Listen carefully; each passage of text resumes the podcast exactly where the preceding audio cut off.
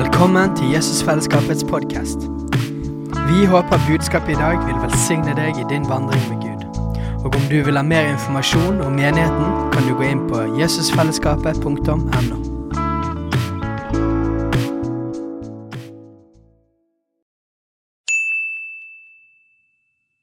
Hei! Visste du at Jesusfellesskapet starter en ny bibelskole til høsten? Den heter Jesusskolen og starter den 3. september. Gå inn på jesusskolen.no for mer informasjon.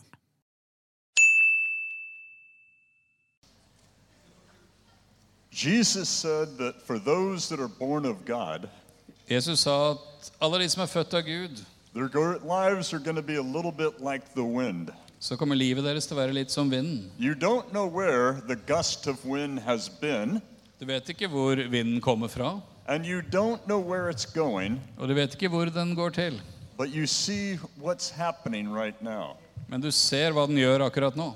When we look at the world and the kingdom of God today, Når vi ser på verden og på Guds rike i dag, if you consider communist China, hvis du ser på det kommunistiske Kina, much of Africa, eller mye av Afrika, India, eller India, Brazil, Brasil, the kingdom of God is moving so prolifically. Så går Guds rike fram så betydelig. So many people are being saved the last 30 years. It's more than the whole church the rest of the 2,000 years. The Så mange mennesker har blitt frelst de siste 30 årene at det utgjør mer enn hele Guds menighet i tida før. But in the Western world, Men i vår vestlige verden we seem to be struggling a bit.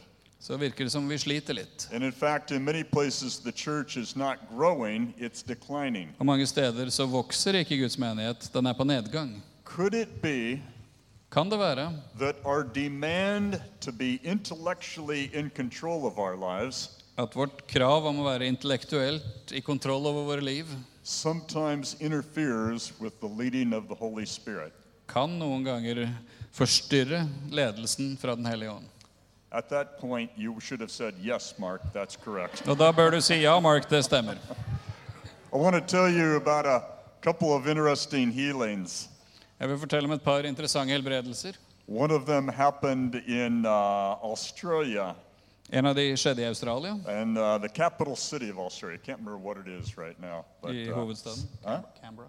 Canberra, thank you. In Canberra, Australia, I Canberra i Australia.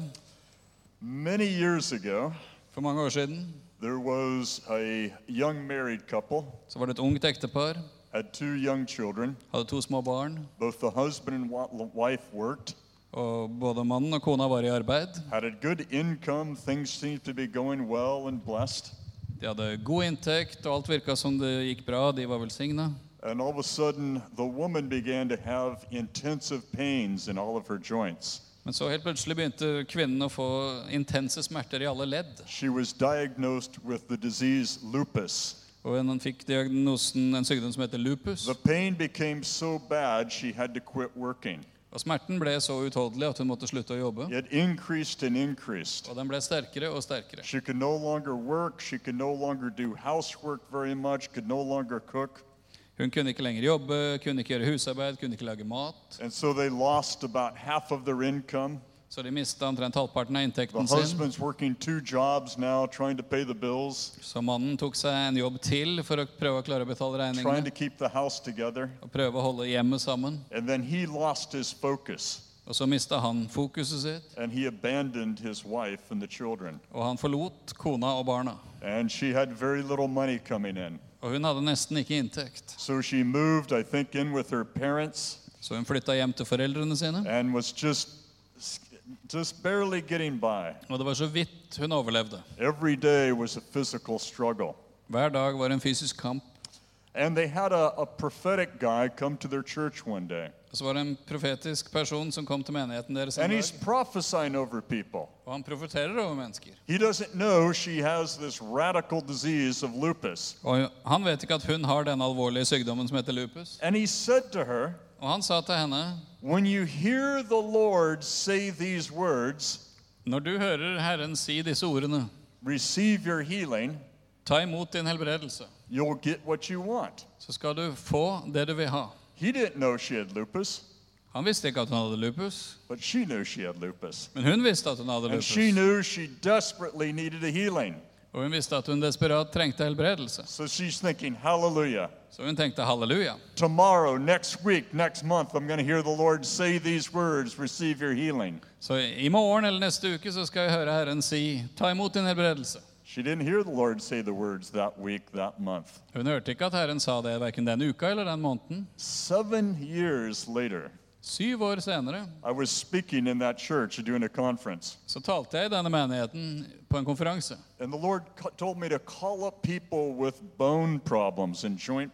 Og Herren sa jeg skulle kalle fram mennesker som hadde problemer i bein og i ledd. Maybe 30 people came forward. Det var ca. 30 mennesker som kom fram. Og jeg ber for mennesker som står på rekke. Her, Lord?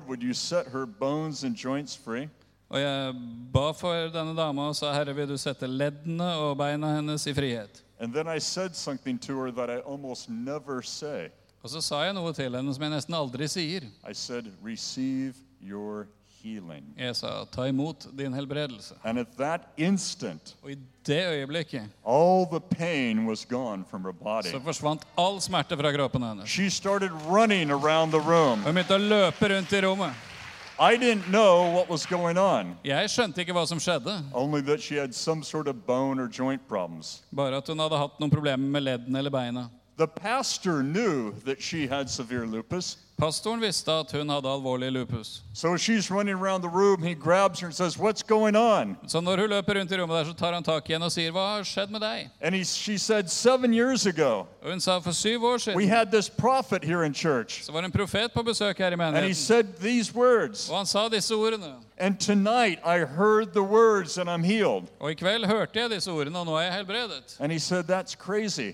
Og han sa, det er jo helt vilt. Because he said, The prophet who said those words to you, Fordi den profeten som sa de ordene til deg, he's actually visiting the church tonight. He's sitting in the back of the room. han er faktisk på besøk i menigheten, han sitter bak der. He had not been back in the church for seven years, and he was just sitting uh, during the meeting, taking the meeting in. Han hadde ikke vært tilbake i menigheten der på syv år og satt bare og var på besøk i. God's timing is not always our timing. Guds timing er ikke alltid vår timing. God's ways are so different at times from our ways. Og våre veier er så forskjellige så mange ganger fra Guds veier. This is why Proverbs 3 says, 3:5 says, Lean not to your own understanding, but trust the Lord with all your heart. Derfor det står i ordspråkene 3.5.: Stol på Herren av hele ditt hjerte, og sett ikke lit til din forstand. A few years ago, I was speaking at a church in California, For noen år siden talte jeg i en menighet i California. and the Lord gave me a word to pray for people with blood disorders, Og Herren ga meg et ord om å be for mennesker som hadde blodsykdommer. blood diseases. A bunch of people came forward. Det var en rekke mennesker som kom fram. There was one man who came forward, his name was Jay. Og det var en mann som kom fram, han het Jay. Jay attended a different church, Han tilhørte en annen menighet. but he and his home group, this whole home group, had come to the meeting that night. Men han og hele husgruppa han tilhørte, hadde kommet på den kvelden. Jay was a young Christian. He was not young, but he was a young Christian. Jay var ikke ungdom, men han var ung som kristen. He'd been in the uh, United States Marines, Han hadde vært i amerikanske spesialstyrker gotten out of the Marines. og slutta der. He started doing drugs, Han begynte med narkotika shooting up, og med Using a needle? Ja. and he got hepatitis C. Og så fikk han hepatitt C. His liver was barely functioning. Det var så vidt leveren hans fungerte. He lived with constant flu like symptoms every day. Han hadde influensalignende symptomer hver eneste dag. He couldn't work, Han kunne ikke just arbeide. getting a little bit of money from his military pension. Han hadde bitte lite grann å leve for, for sin, mil- fra sin militære pensjon. His wife was not a Christian. Kona hans var ikke She kristen. was so frustrated with him not being able to make money, she was about to leave him. Hun var så frustrert over at han ikke kunne tjene penger at hun hadde tenkt å forlate ham. And in his church, they didn't lay hands on the sick, believing for miracles. Og I den menigheten han gikk i, så ba de ikke for syke og trodde ikke på mirakler. But he hears these words if you have a blood disease, come forward. Men han hører ordene 'hvis du har en blodsykdom, så kom fram'. And we prayed for him. Så ba vi for han. And he felt this intense heat from the inside coming out of him. Og han kjente en sånn intens varme som begynte på innsida, som kom ut av han. He had never experienced uh, the power of the Holy Spirit before. Han hadde aldri opplevd Den hellige ånds kraft før. And he went home that night and he felt really good. Han dro hjem den kvelden, og han kjente seg veldig bra. He felt really good the next morning when he woke up. Han han bra. He went every week to a clinic Og han dro en gang i uka til en klinikk where they were giving him experimental medication to try to help him. hvor han. And he went in, and before the doctor gave him the medication, Og neste gang han kom dit, før legene ga han medisinen, he said, Doctor, could you do a quick blood check on me? så sa han unnskyld, doktor, men kan du ta noen kjappe blodprøver av meg? Something happened to me last night Det var noe som skjedde med meg i går kveld. when I was prayed for in the name of Jesus. Jeg ble bedt for i Jesu navn. And for the first time in years, I feel better. Og for første gang på mange år føler jeg meg bedre. Doc said, Okay, Jay. Og, og legen sa OK, Jay. So they checked his blood. Så de tok blodprøvene hans og They don't gjorde see tester. any sign of hepatitis. Og det var ikke noe tegn til hepatitt. But, but the doctor said to him, Men legen sa til ham Now, Jay, Nå må du høre her. with this new medication, Med den nye medisinen there's going to be ups and downs with your blood. så kan det gå opp og ned med blodet ditt. But believe me, you've still got hepatitis. Men tro meg, du har fortsatt hepatitt. You need the injection today. Du trenger denne sprøyta i dag. Jay said, Well, okay. Og Jay sa OK. So they gave him the injection. Så de ga han en sprøyte. Immediately, he felt very, very sick Og han følte seg veldig, veldig syk øyeblikkelig. because there's a problem. For nå er det et problem. He no longer had the disease for the medication to fight. For han- hadde ikke lenger den sykdommen denne medisinen skulle bekjempe. And he felt so bad he could not leave the clinic.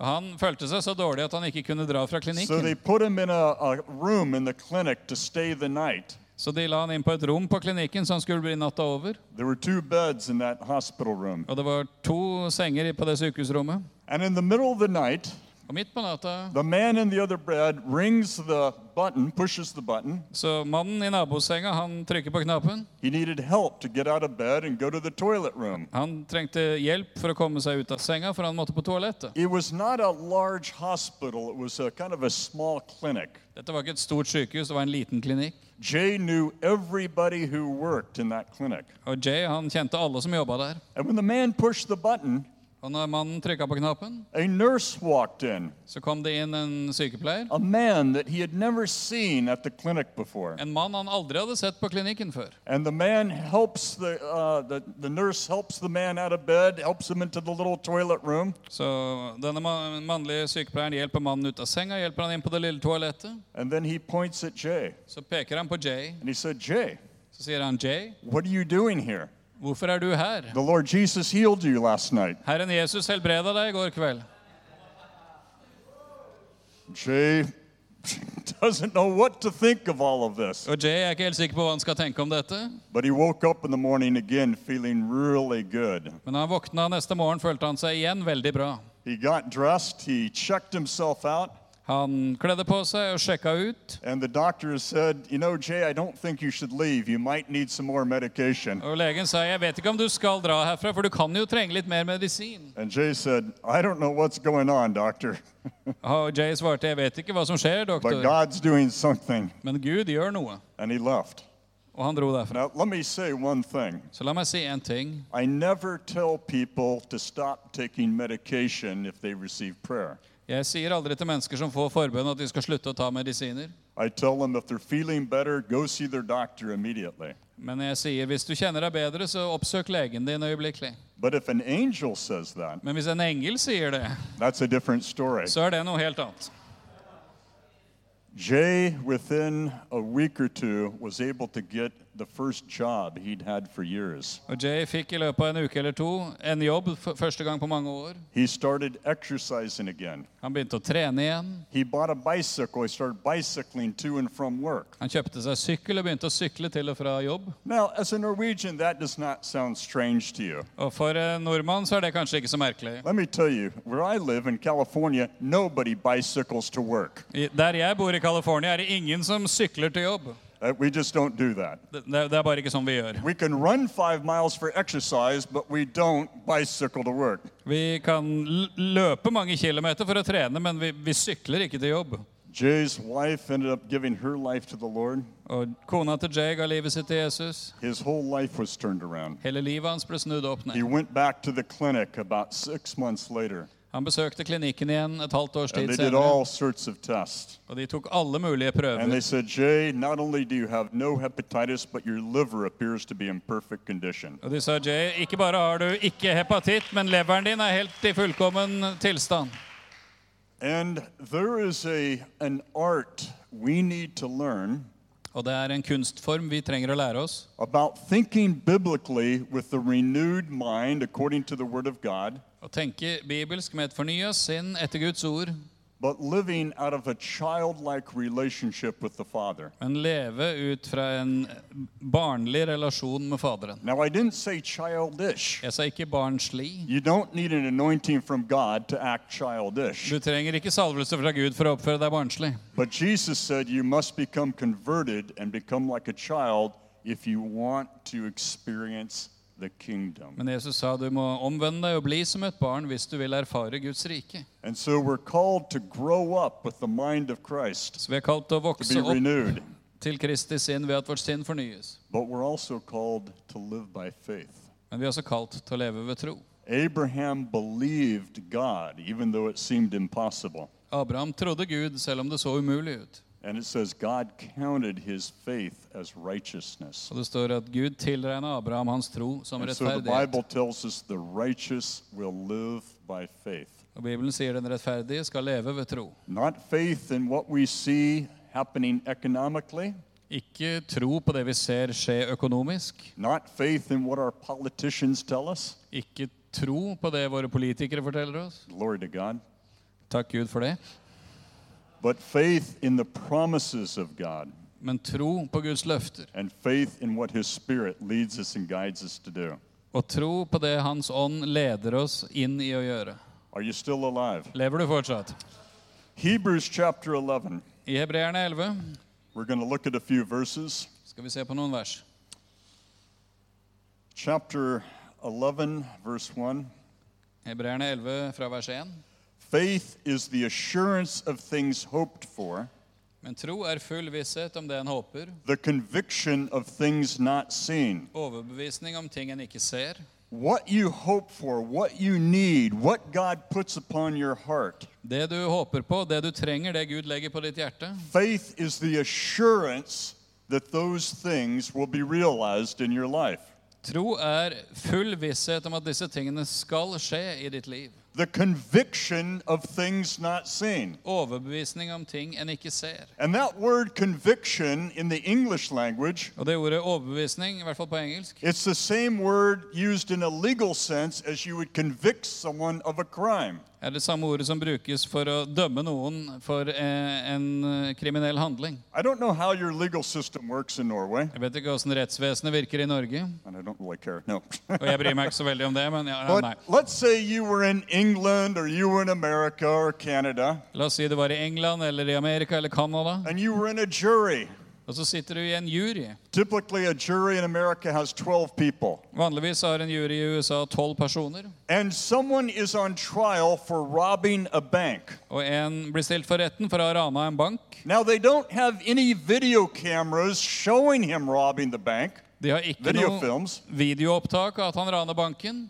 So, no one has seen him rob the bank, Det er ingen som har sett at han har rana but there's overwhelming evidence that he robbed the bank. Men det er overveldende beviser på at han har rana banken. His fingerprints are in the bank vault. Du, de har funnet fingeravtrykkene hans inne i He has $500,000 sitting in his garage. Han har 500 000 dollar i kontanter i garasjen. Did you hear the story about the man who robbed the bank? Har du hørt den historien om han som rana en bank? They couldn't prove he did it. De kunne ikke bevise at han hadde gjort det. They knew he did it, De visste han hadde gjort but they det, couldn't prove it. men de kunne ikke bevise det. And so the judge said, Sir, Så dommeren sa, 'Herre, we know you're guilty, vi vet du er skyldig, but we can't prove it, men vi kan ikke bevise det, so we're going to let you go. så vi skal la deg gå'. And then he said, Can I keep the money? Så sa han, 'Kan jeg beholde pengene?' But, but you're on this jury. Men du sitter altså i juryen i denne No one saken. has seen the man rob the bank. Ingen har sett at mannen rana banken. You, you just looked like you needed to hear a joke. Dere bare så ut som dere trengte å høre en Some of you vits. still look like you need to hear a Noen joke. av dere hø- ser fortsatt ut som dere trenger å høre en vits. But let's get back to the message. Men ok, tilbake til budskapet. N- You no one has seen the man rob the bank, but you know he robbed it. Ingen har sett mannen rane banken, men du vet at det var han som gjorde det. So the jury votes guilty, Så juryen stemmer for at han er skyldig. and they convict the man of things not seen.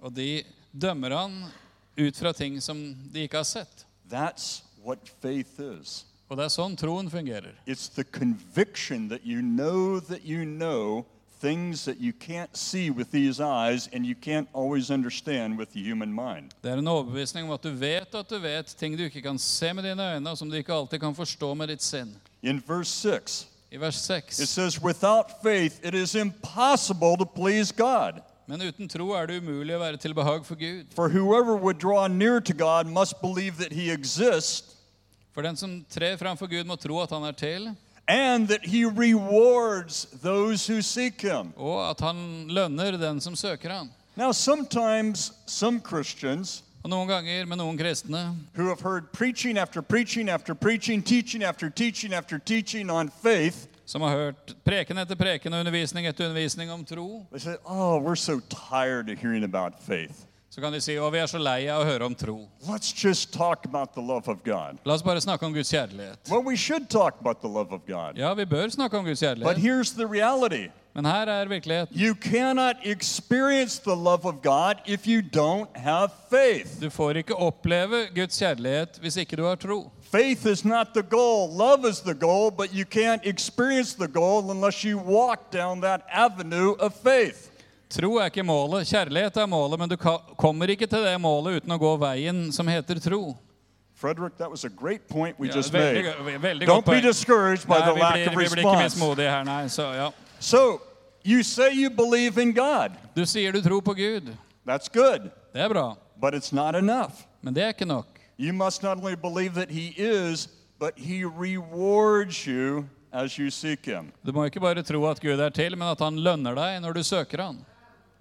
Amen. Five of you are excited. Det er fem av dere som er begeistra for det. ja. So, I want to speak about a move of the Spirit that's coming that's going to be have a lot of healings and miracles. Så jeg ønsker å snakke om en bevegelse av Den hellige ånd som kommer, som vil bestå av masse helbredelser og mirakler. If you have studied revival, revival moves of the Spirit in the last 2,000 years, Hvis du har studert vekkelser, verk av Den hellige ånd de siste 2000 årene, it's interesting. så er det interessant. In some cities and some times and some cultures, the church is experiencing almost no healings and miracles. I noen byer og i noen kulturer så opplever Guds menighet nesten ingen helbredelser eller mirakler. But all of a sudden, a move of the Spirit begins. Men så begynner helt plutselig et verk av Den hellige ånd. And all of a sudden, the healings and miracles break out. Og plutselig bryter det gjennom helbredelser og mirakler. Why?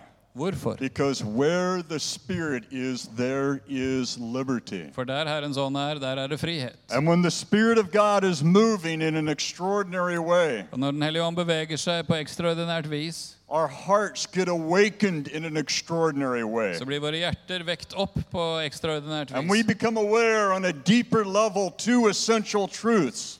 Og da blir vi klar over på et dypere nivå to grunnleggende That sannheter. one, God is a God of incredible compassion for hurting, broken, sick people. For det første at Gud er en Gud med enorm medlidenhet med sårede og sønderbrutte mennesker. But secondly, that nothing is impossible for God. Og for det andre at ingenting er umulig for Gud. So I want to try to give a very simple teaching tonight Så jeg har lyst til å komme med en veldig enkel undervisning i kveld on the gift of faith and how we realize that.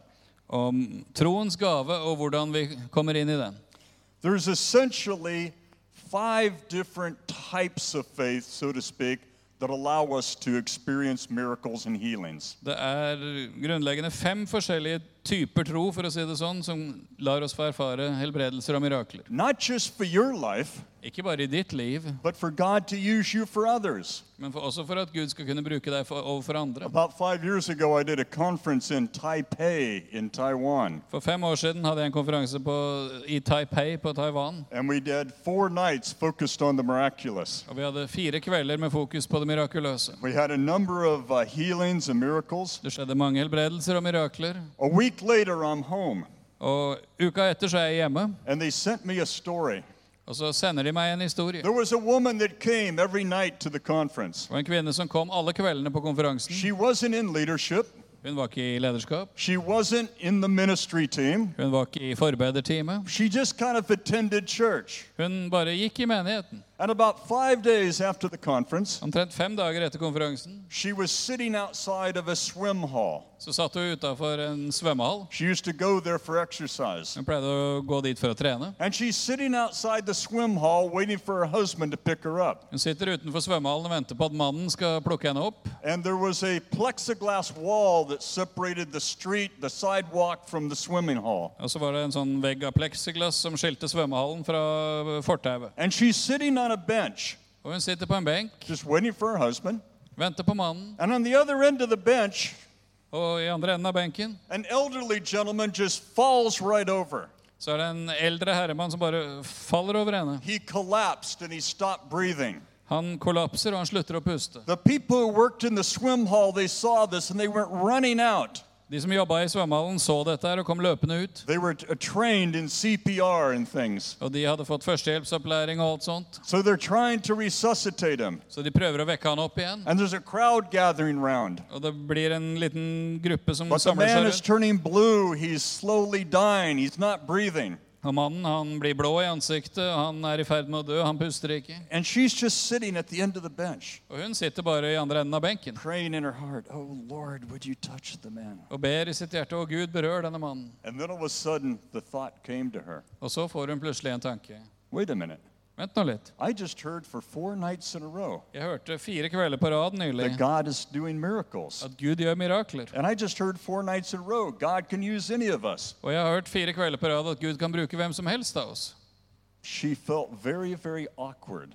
Og hun følte seg at dette var veldig merkelig. Men hun trenger seg gjennom denne gruppa som prøver å få liv i mannen. Like? Og de ser alle på henne som hva er det du driver med? Og la en hånd på brystet hans. said, death. Og hun sa, du døden sånn, jeg går imot deg i Jesu navn. Og jeg kaller deg tilbake til livet. Up, breathing again. Og den gamle mannen satte seg opp og pusta igjen. And I, I believe this is a, a picture of where we're headed. Og jeg tror dette er et bilde på hvor vi er på vei hen.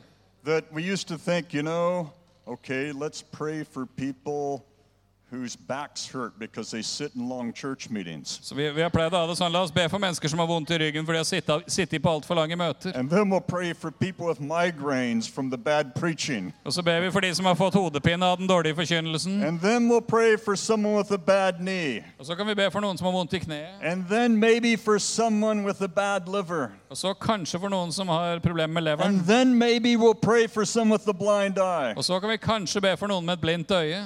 And maybe someday raise the dead. Så vi på eller tidspunkt det. But that woman, she just jumped in the deep end of the pool. Men Didn't den she?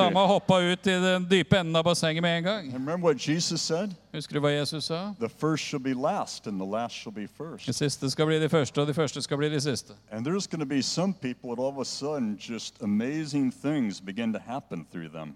En del mennesker kommer til å oppleve at forbløffende ting skjer gjennom dem. So there's essentially five ways in which faith can come. Så denne troen kan komme på vanligvis fem forskjellige måter. The first three ways De første tre måtene we would say are self initiated. er kan vi si, noe man selv tar initiativ til. Like, it, we won't turn to it, but 2 Kings chapter 20. Vi skal ikke slå opp der, men i andre kong kongebok 20 Hezekiah the king, så er det Hiskia kongen. Isaiah the prophet comes to him, Så kommer Jesaja, profeten, til and ham, he's sick. Og kongen er syk, And he's thinking Isaiah's going to lay hands on me and heal me. og han tenker at Jesaja skal legge hendene på meg og helbrede meg. And Isaiah said, Get ready, you're going to die from this. Men, men, men Jesaja sier du må bare gjøre deg klar, du kommer til å dø av dette her. Aren't you glad there's a difference between New Testament and Old Testament prophets? Er du ikke veldig glad for at det er en forskjell på gammeltestamentlige og nytestamentlige profeter? And so Isaiah just walked away. Og så gikk Jesaja igjen. But it says Hezekiah went before the Lord Men det står at Hiskia søkte Gud and he cried out to God. og ropte til Gud. And he said, Oh God, have mercy upon me. Og han sa, Gud, forbarm deg over meg. Give me more time. Gi meg mer tid. And the Lord told Isaiah to go back. Og så sa Gud til Jesaja han skulle gå And. Isaiah said, The Lord has heard your prayers. Og Jesaja kommer og sier, Herren har hørt din And he said bønn, he's given you 15 more years. og du skal få leve i 15 år til. Well, could we try for 20? Ja, Kan vi gå for 20? Ja. But that was Hezekiah initiating that faith on his own. Men det var Hiskia som sjøl tok initiativet i You can tro. think about the Gospel of Mark, chapter 1, verse 40. Du kan tenke på Markus 1,40. A leper dared to come into the village. En spedalsk våga å komme inn i landsbyen. Lepers were forbidden to come into the cities and villages. Spedalske hadde forbud mot å komme inn i landsbyer og byer. Everybody was so deathly afraid of leprosy. Alle var så livredde for uh, spedalskhet. And he dares to come near to Jesus. Og han våger å komme nær til And he Jesus. cries out, Jesus, son of David. Og han roper ut 'Jesus, du Davids sønn'. And Jesus came to him and said, What is it you want? Og Jesus kom til han og sa 'Hva vil du jeg skal gjøre he for said, deg?' I want my skin to be cleansed. Han sa 'Jeg vil at huden min skal bli rensa'. The man actually received two healings that day Og denne mannen opplevde to helbredelser den dagen. because lepers were outcasts. Fordi spedalske var utstøtt. They were no longer allowed to be around their family and friends. They had to live off in the deserts in the leper colonies. De fikk ikke lenger være sammen med familie og venner. De måtte leve helt utenfor samfunnet sammen med andre spedalske.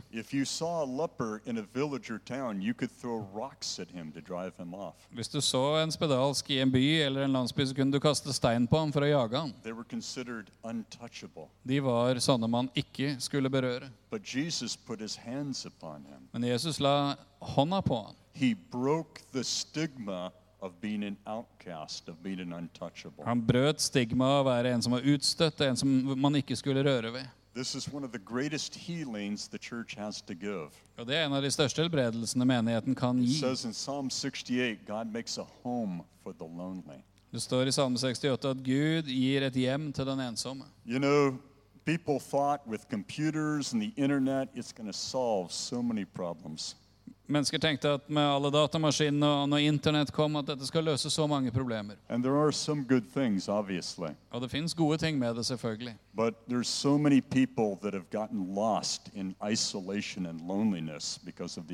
Men det er så mange mennesker som har rett og slett blitt borte i isolasjon og ensomhet pga. internett. You can have 5,000 friends on Facebook. Du kan ha 5000 venner på Facebook. Hvor mange av de tror du vil komme på døra di hvis du skriver at du trenger hjelp? Vi har eh, gjort ordet vennskap til noe som e- egentlig er nesten verdiløst. And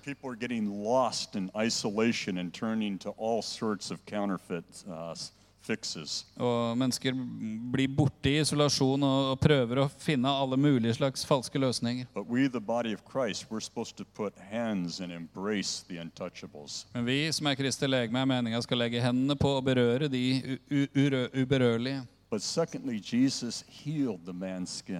Og for det andre så helbreda Jesus huden til mannen. It says he had compassion upon him and he said, Be healed. Han hadde medlidenhet med ham og sa 'vær helbredet'. And that was a healing that the leper initiated his faith. Og dette var en helbredelse hvor det var den spedalske som iverksatte sin tro. He saw Jesus, said, This is my chance. Han så Jesus og tenkte 'nå er sjansen'. And he pressed in upon Jesus. Og han søkte inn til Jesus. But there's a third way in which we can initiate healing. Så finnes det en tredje måte vi kan ta initiativ til It helbredelse. says in James chapter 5, verse 14, Det står i Jakob 5, 14, that God gives authority to the pastors and leaders, the elders of a church. at Gud gir autoritet til pastor og ledere, eldste i menigheter. It's interesting. Det er I interessant. know s- many pastors Jeg kjenner mange pastorer that actually do not have an anointing for healing or miracles, som ikke har en salvelse for helbredelser eller mirakler.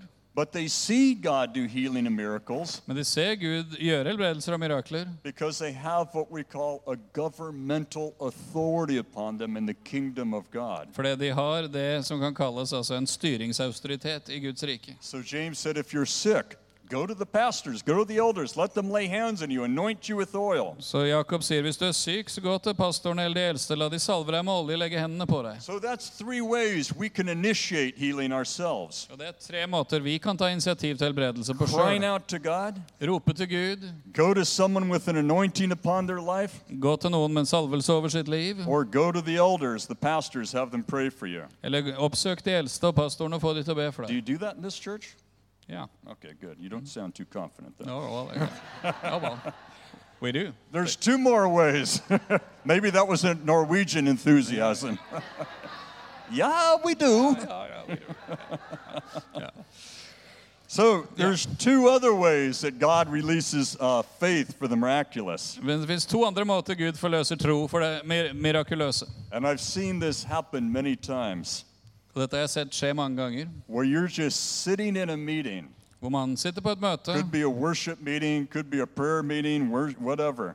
Kan være tilbedelsesmøte, bønnemøte, hva som helst. And all of a sudden the Spirit of God begins to move. Og så plutselig begynner Den hellige ånd å bevege seg. And you walked in with a sickness or a problem and you walk out, you're healed. Du kom inn med en sykdom eller et problem, og du går ut igjen, og du er helbreda. I remember a church in Dayton, Ohio. Jeg husker en menighet i Dayton, Ohio. A woman walked in in her mid 50s with two blind eyes. En kvinne i midten av 50-årene kom inn. Hun var blind på begge øynene. She walked out completely healed. Hun gikk ut igjen fullstendig helbreda.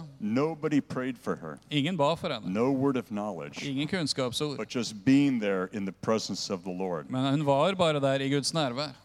And those are wonderful healings Og det er fantastiske helbredelser. because nobody can say, Well, I was the one who laid hands on her. For det er det ingen som kan si det var, det var jeg som la hendene på henne. But I've seen that happen many times Men jeg har sett det skje mange ganger. because where the Spirit is, there is liberty. For der Herrens ånd er, er det frihet. But the second way in which healings and faith can be released sovereignly Den andre måten helbredelser og tro for dette kan forløses suverent, is knowledge. er når Gud gir et kunnskapsord. Og jeg har sett mange helbredelser hvor personen som ble helbreda, ikke engang forventa det. Trodde ikke engang på det. I think I was telling you the story the other night. Jeg fortalte en historie forleden kveld. Then I was doing some meetings somewhere, Jeg var på noen møter et sted, and I gave a word.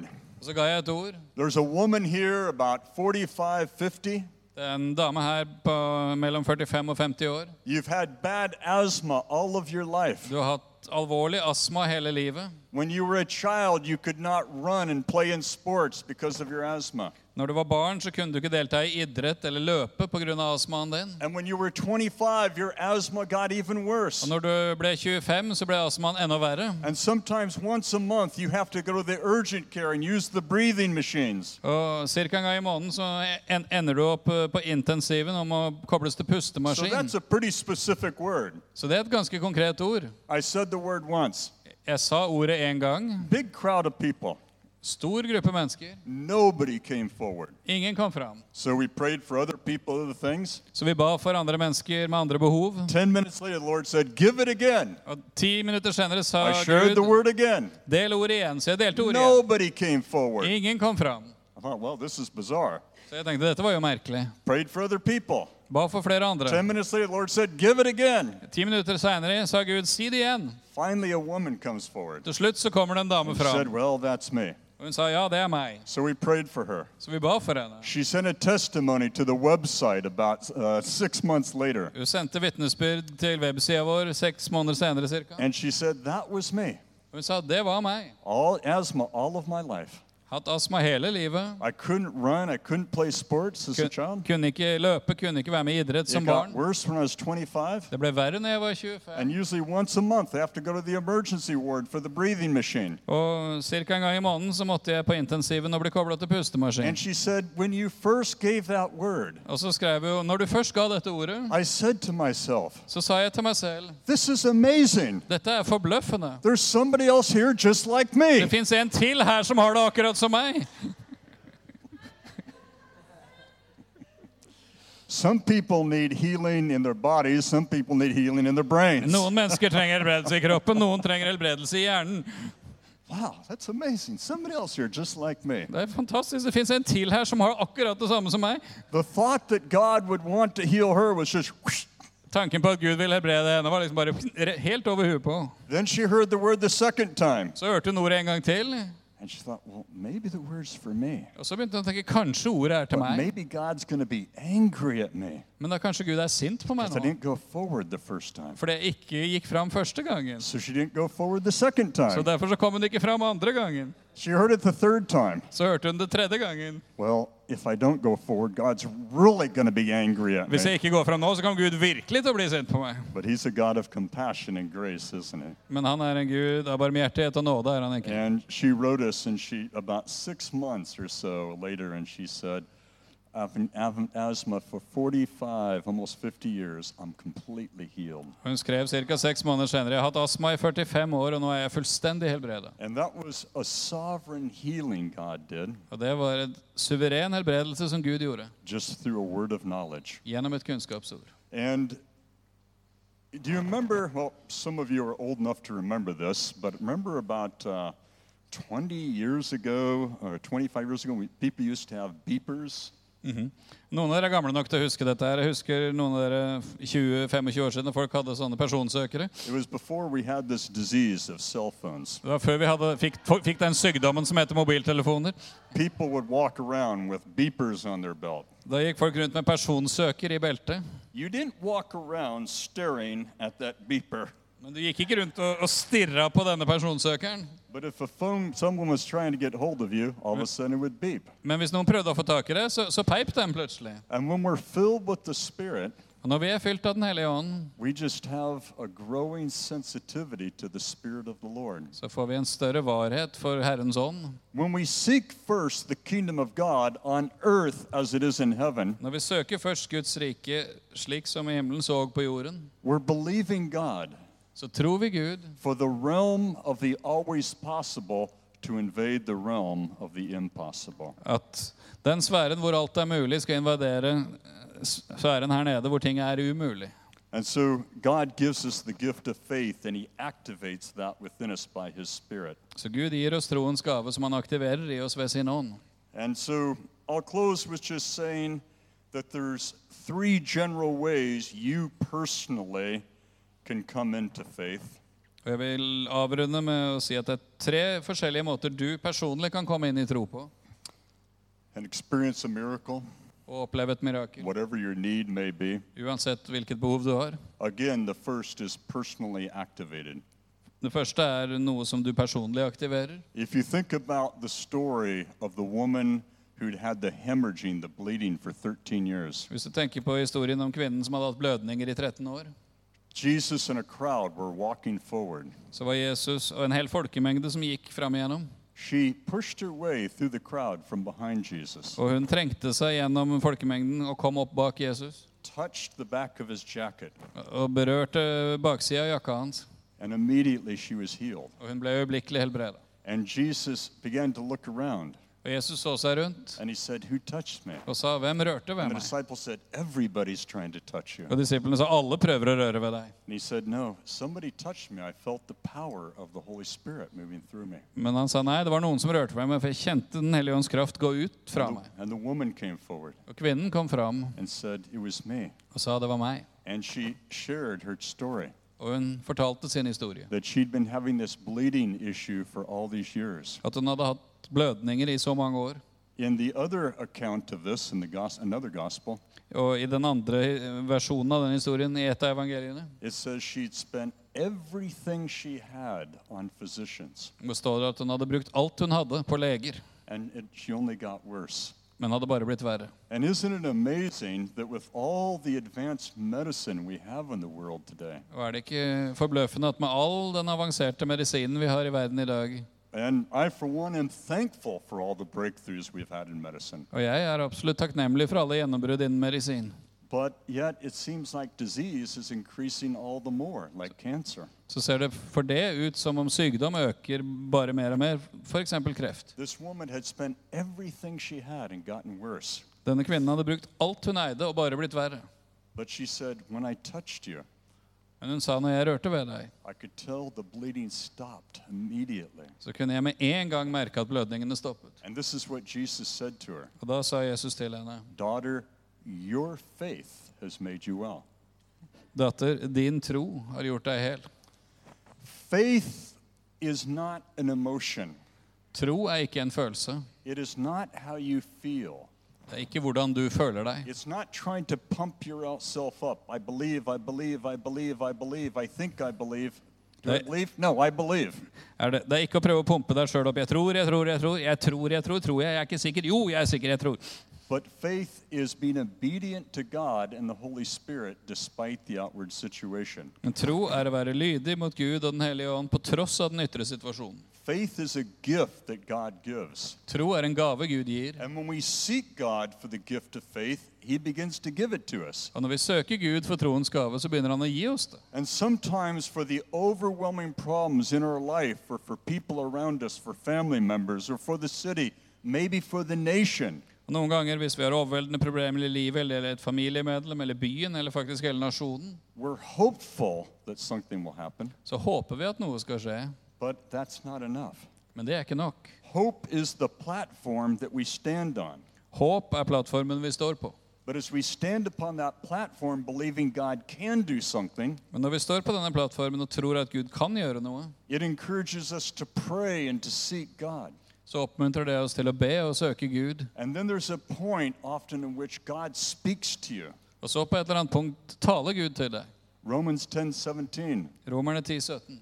Faith comes from hearing and hearing by the word, the rhema word that the Lord speaks to you. Tro kommer av å høre, og det å høre kommer av det rema-ordet Gud taler til deg. James said you do not have because you do not ask. Jakob sier dere har ikke fordi dere ikke ber. And many of us as Christians, Og mange av oss som kristne we're guilty that we've just stayed in the domain of hope for problems, but we have not journeyed into the realm of faith. Er at vi har blitt værende på det området hvor vi håper på løsning på problemet, men vi har ikke tatt reisen inn i tro.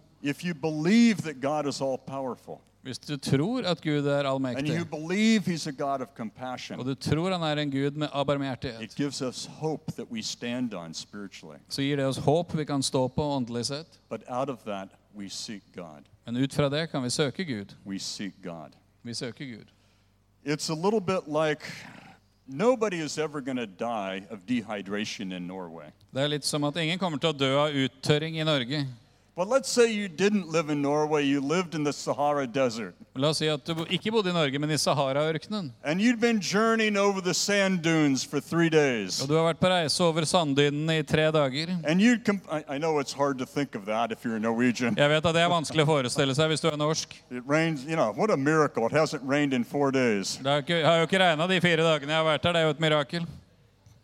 Personally, Personlig I think the Bureau of Tourism in Norway should pay me to come to Norway more often. jeg tror, jeg tror at Turistbyrået for Norge burde betale meg for å komme oftere. Just joking with you. Ja, jeg bare tuller nå, altså. But you're, you've been journeying over the sand dunes for three or four days. Men du har vært på reise over disse sanddynene i tre-fire dager. You've completely out of water the last day. Og så er du helt tom for vann på den You're siste about to dagen. die of dehydration. Du er i ferd med å dø av uttørring. And you see this nice little church building here. Og så ser du en fin liten kirkebygning. And you come in, and I'm the first person you see. Og du kommer inn, og du, jeg er den første du møter. And you say, I'm dying of dehydration. Do you have some water? Og, jeg, og så sier du 'jeg dør av uttørring, har du noe vann'? Well, two hours ago, I would have said, Sorry. For to timer siden ville jeg sagt 'nei, beklager'. Go talk to someone in the church. You know, maybe they can give you a bottle of water. I don't have any. Eh, Gå og snakk med noen andre i menigheten, kanskje de har en flaske vann. Jeg har ikke. But an hour and a half ago, the church gave me this cup of water. Men for halvannen time siden ga menigheten meg denne, dette glasset med vann. An hour and a half ago, I had nothing to give you. For en annen time siden hadde jeg ingenting å But gi now deg. they've given me water, Men nå har de gitt meg vann, so I have something to give you. så jeg kan gi det til deg. Although you might not want my germs. Kanskje du ikke har lyst på bakteriene mine. I really don't have COVID. Men jeg har, jeg har virkelig ikke covid. This is how faith works. Dette er sånn troen fungerer.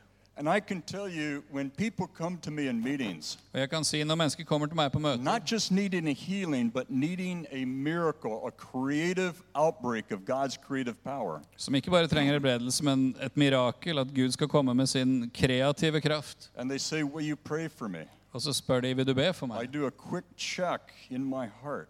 Så gjør jeg en rask sjekk i mitt hjerte.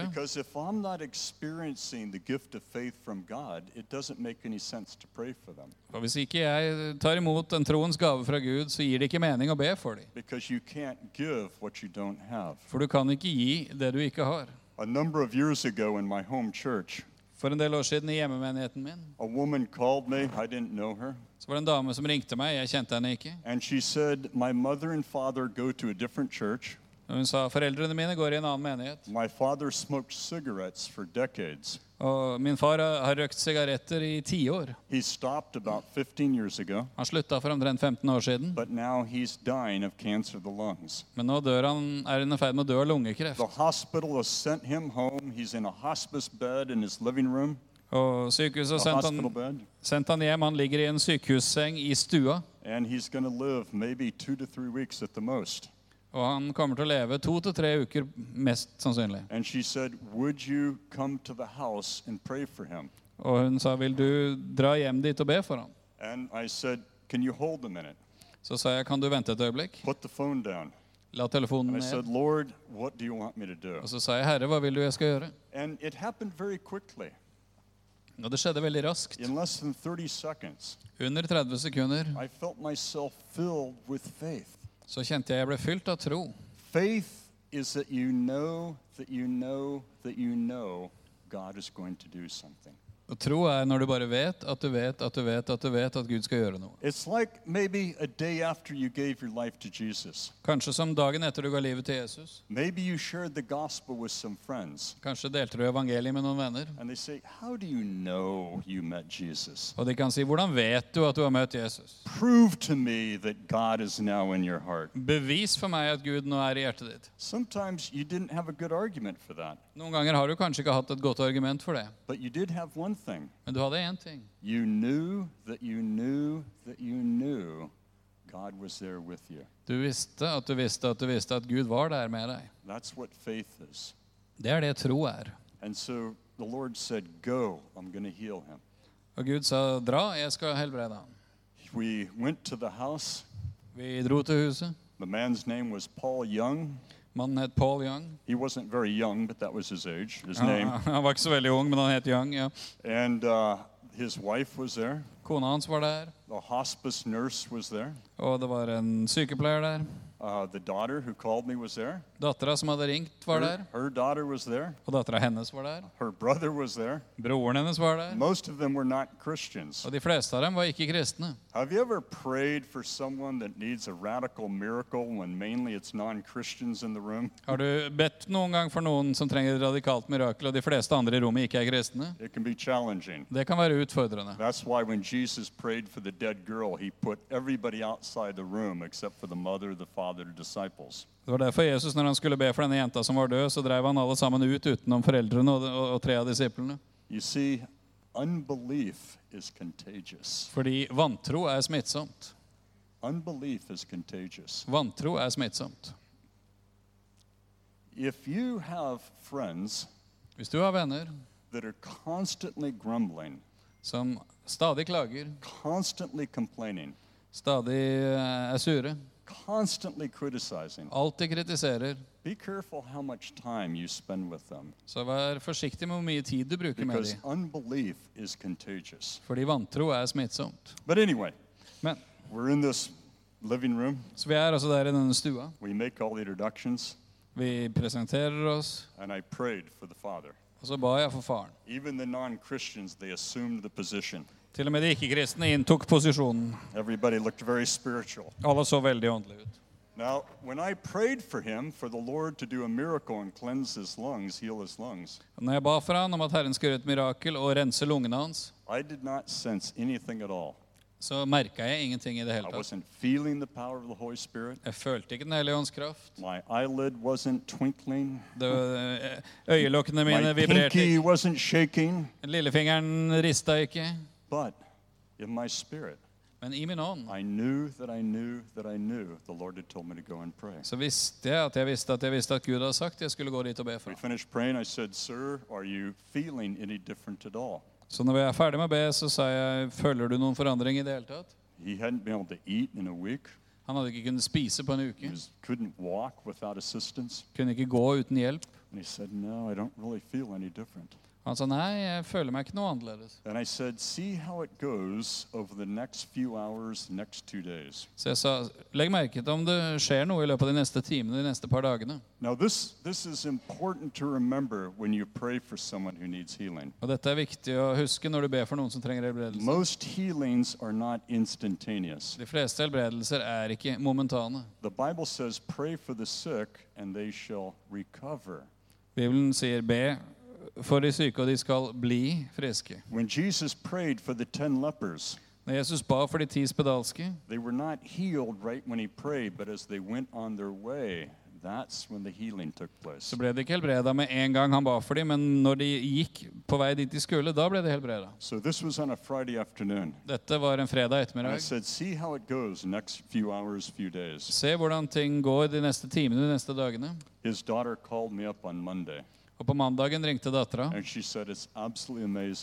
og hun sa det er helt fantastisk. Friday night, Fredag he kveld got out, out of the bed by himself, så sto han opp av senga for egen hjelp, and he walked to the refrigerator. gikk bort til kjøleskapet, He said, I'm hungry. What do we have? og han sa 'Jeg er sulten, hva har vi å spise?' He ate solid food for the first time in many days. Og han spiste ordentlig mat for første gang på mange dager. And on Monday, he was doing his favorite thing in life. He was working in the garden doing gardening. Og på mandagen så gjorde han det han elska å holde på med. Han var ute i hagen og jobba. And faith is a tangible, a real thing. Og tro er en merkbar, virkelig ting. And let's be honest, Og la oss være ærlige. we've had a problem in the charismatic Pentecostal church Vi har hatt et problem i karismatiske og pinsesammenhenger. because people pray for someone, they say, You're healed in the name of Jesus. For når folk ber for noen, sier de 'du er helbredet i Jesu navn'. But sometimes they're not Men noen ganger så skjer ikke det. because they're praying out of enthusiasm, not out of the gift of faith. Fordi de ber ut fra entusiasme og ikke ut fra en troens gave. Those can be two very different Og det kan være to helt forskjellige ting. And then there's you having faith for your own healing, somebody else having Jesus, like going up to the man at the pool of Bethesda. Og så kan det være at du har, har tro for din egen helbredelse. Many, many people sick, blind, diseased. Eller som når Jesus kom til Betesta-damen, der var det mange mange syke mennesker. Jesus didn't pray for everybody, did he?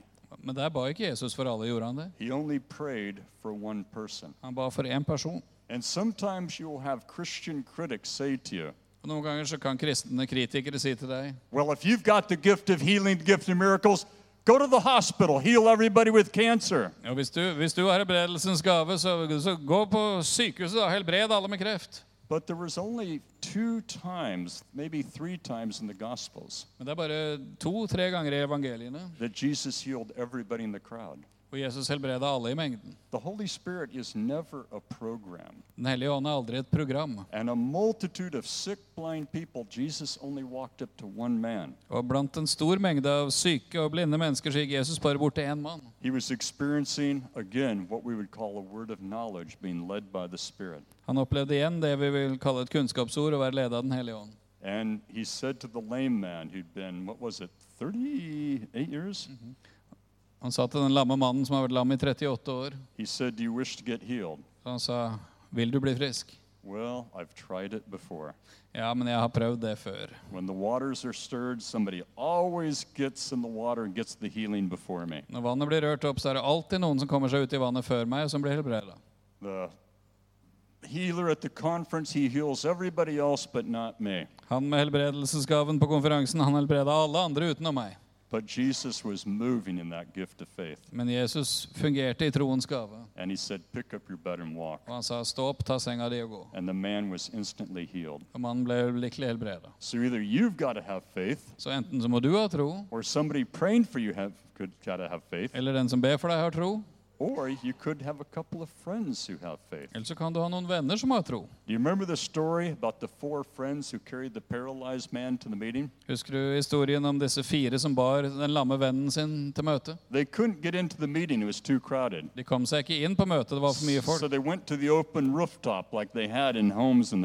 Så de gikk opp på det flate taket som man hadde på hjem, på den tiden. Og de senka mannen ned. Have you ever asked yourself the question Har du noensinne stilt deg spørsmålet Did that man even want to be there? Ønska den mannen egentlig å være der? You know, he could have been at home Han kunne vært hjemme. watching the Euro contest on television. se, se på et eller annet på TV. And all of a sudden, his four friends grab him and start carrying him off to the meeting. Og plutselig så kommer fire venner og tar tak i han og bærer han av gårde til et møte. He could have yelled, What are you doing? Det kunne være han ropte 'Hva er det dere driver med?' We're taking you to the revival meeting. Vi tar deg med på I don't want to go to no stinking revival Jeg har meeting. ikke lyst til å gå på noe vekkelsesmøte. Well, you're going anyway. Ja, men du skal gå. And it says something very important. Og det står noe veldig viktig. When the four friends lowered him down, Når de fire vennene senka han ned, Jesus saw the faith of the four friends. så så Jesus disse fire vennenes tro. And he said, Your sins are forgiven. Og så sa han til mannen, 'Dine synder er deg tilgitt'. Pick up your bed and walk. Stå opp, ta sengen din og gå. So we see sometimes you yourself have the gift of faith for yourself. Noen ganger har du en troens gave for deg selv. Sometimes someone with an anointing, the gift of healing, as you go to prayer, they may have faith from God to pray for you. Noen ganger har en med en salvelse eller helbredelsesgave tro for å, for å be for deg.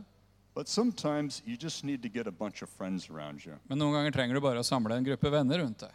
That's maybe one of the few good things about social media. Det er kanskje en av de få gode tingene med sosiale medier. That when you need prayer, At når du trenger bønn, you can go out to those 5,000 friends on Facebook så kan du gå ut til alle dine 5000 venner på Facebook and say, Please pray for me. og si 'vær så snill å be for meg'. And there will always be one troll Så vil det alltid være ett troll who will say, If you really had faith, you wouldn't have to ask for it. som, som vil si 'hvis du virkelig hadde tro, så trengte du ikke å be om det'. And then you comment back to him and say, Shut up. Og da svarer du tilbake 'hold kjeft'. So faith is this tangible thing. Så tro er noe man kan merke. God, God gives it to you for yourself for. Du søker Gud, Gud gir deg det for deg selv eller for noen andre. Maybe there's friends of yours or family members who have faith for you. Kanskje det er venner eller familiemedlemmer som har tro for deg. Or you go to someone with an anointing and they have faith to move in that gift for you. Eller du går noen med salvelse som har tro for å fungere i gaven. Okay, we're coming to a close. Så nå skal vi gå mot avslutning. I heard those silent hallelujahs. Og jeg hørte alle de hallelujaene. ja. Turn in your Bibles to Mark chapter 11. Slå opp i Markus kapittel 11, We'll start in verse 12. fra vers 12. Jesus and the disciples were ministering in Jerusalem, but they weren't spending the nights there. Skal vi se. Mark 11. I, I'm just saying Ja. Jesus og disiplene de, de var i Jerusalem, men de overnatta ikke der. And as they were walking uh, from Jerusalem, Og når de gikk Says- fra Jerusalem, it says in verse 12, on the following day when they came from Bethany, that he, Jesus, was hungry. det står i vers 12 i Markus 11, dagen etter da de gikk ut fra Betania, ble han sulten. And seeing in the distance a fig tree and leaf, he went to see if he could find anything on it. Langt borte så han et fikentre med løv, og han gikk for å se om han kunne finne noe på det. He was looking for fruit. Han så etter frukt. But when he came to it, he found nothing but leaves, for it's not the season for figs. Men da han kom bort til det, fant han ikke annet enn blad, for det var ikke And he fikentid. said to it, May no one ever eat fruit from you again. Da tok han til orde og sa til det, aldri i evighet skal noen mer ete frukt av deg. Now, a real Bible teacher or preacher will tell you, and many of you know this, En virkelig bibellærer eller forkynner vil fortelle deg dette, og dette kanskje du vet allerede. this is actually a metaphor of the shift from the kingdom of God from uh, Israel to everybody, the church. At dette er et bilde på skiftet i at Guds rike går fra Israel til å gjelde alle, altså Guds menighet. Men det er også et veldig praktisk punkt her. Jump, jump to verse 20. Se i vers 20. As they passed by in the morning, they saw the fig tree withered to its roots. Tidlig om morgenen gikk de forbi fikentreet, og da så de at det var visnet fra roten. And Peter remembered and said to Jesus, Rabbi, look, the fig tree that you cursed has withered. Da mintes Peter hva Jesus hadde sagt, og sa til ham, Rabbi, se, fikentreet du forbannet er visnet. And Jesus answered them, saying, Have faith in God. Jesus svarte og sa til dem, ha tro til Gud. And in 95% of the Bible translations, i 95 av bibeloversettelser this is how this verse is translated er det sånn dette verset oversettes. Have faith in God. Ha tro til Gud. But there's a problem. Men det er et problem. That's not that's what he said, but it's not how he said it. Det er det han sa, men ikke måten han sa det på. In the Greek, the word faith and the word God are what they would call the genitive possessive sense. Og På gresk så er uttrykket her tro og Gud i det man kaller genitivs eiendomsform. Som betyr at dette var noe Gud eide. Jesus wasn't so much saying have faith in God as he was saying have God's faith. Jesus sa ikke så mye 'ha tro til Gud' som han sa 'ha Guds tro'. When you read in 1 Corinthians 12 and 14, and it talks about the spiritual gifts, Når du leser i 1. kor 12 og 14 om de åndelige gaver, it talks about the gift of healing, the gift of miracles, and the gift of faith. så snakkes det om helbredelsesgaver, mirakelgaver og troens gave. What is a gift? Hva er en gave? It's something that somebody gives to you. Det er noe noen gir deg. You don't get a gift by striving. Du får ikke en gave ved å streve. That's what you call a wage or a salary. Da er det lønn eller noe sånt. A gift is something that someone gives you. Gave er noe du blir gitt av noen. Let me ask you a problem. La meg let, stille, let me ask you a question. la meg stille et spørsmål. How many of you have somebody in your life Hvor mange av dere har noen i livet deres that you would consider hard to love? Som du vil mene er Wives, do not turn and look at your som du, husbands. som, som, du mener er eh, vanskelig å elske, og da skal ikke ektefellene snu seg og se på hverandre her. Maybe it's your boss. Kanskje er det sjefen din, Maybe it's a child or a mother or a father, kanskje et barn eller mor eller en far, a sister or brother. søster eller bror. I see you, Gail, looking at your sister. Se Geir kikke på søstera si der. Ja. Mhm. But in our lives, Men i våre liv God puts people there plasserer Gud mennesker that are hard to love. som er vanskelig å elske. So here's the question Så her er spørsmålet. Does God expect you to love that hard to love person with your love or the love of God? Forventer da Gud at du skal elske den som er vanskelig å elske, med din kjærlighet eller med hans kjærlighet? The love of God. Med hans Part of kjærlighet, the fruit of the Spirit. som er en del av åndens frukt. So that means some of you have no more excuses for being mean to people. Så det betyr at, at dere har ikke lenger unnskyldning for å være slem med mennesker. There's a message there. Det er et budskap der, ja.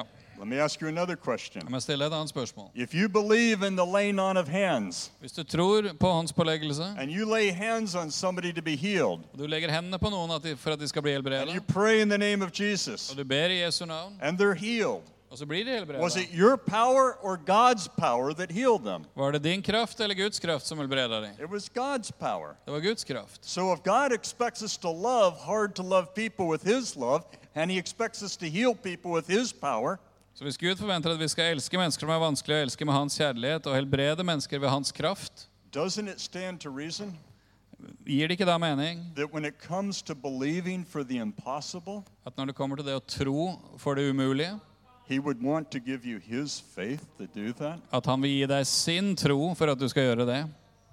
And so, my encouragement tonight Så min oppmuntring til deg i kveld is for the Church of Bergen, er for Guds menighet i Bergen, for the city of Bergen, for Bergen by, to begin to press in upon God. å begynne å søke inn til Gud. Not just for a few healings or miracles, Ikke bare for noen få helbredelser eller mirakler. not just for a few more good conferences, Ikke for å ha noen få bedre konferanser. but begin to seek God that He would release a move of the Spirit with many healings and miracles, signs and wonders. Men begynne å søke Gud, at han skal forløse et verk av Den hellige ånd med masse mirakler og tegn og under. In Acts chapter 2 and 3, I Apostelens gjerninger 2 og 3, when persecution began against the early church. når forfølgelsen begynte mot den tidlige menighet, Peter and John were arrested. og Peter og Johannes ble arrestert, And when they were released, they came back to the church. og når de var satt fri, kom de tilbake til And they menigheten. prayed and they asked God for two things. Så ba de, og de ba Gud om to ting. Lord, give us a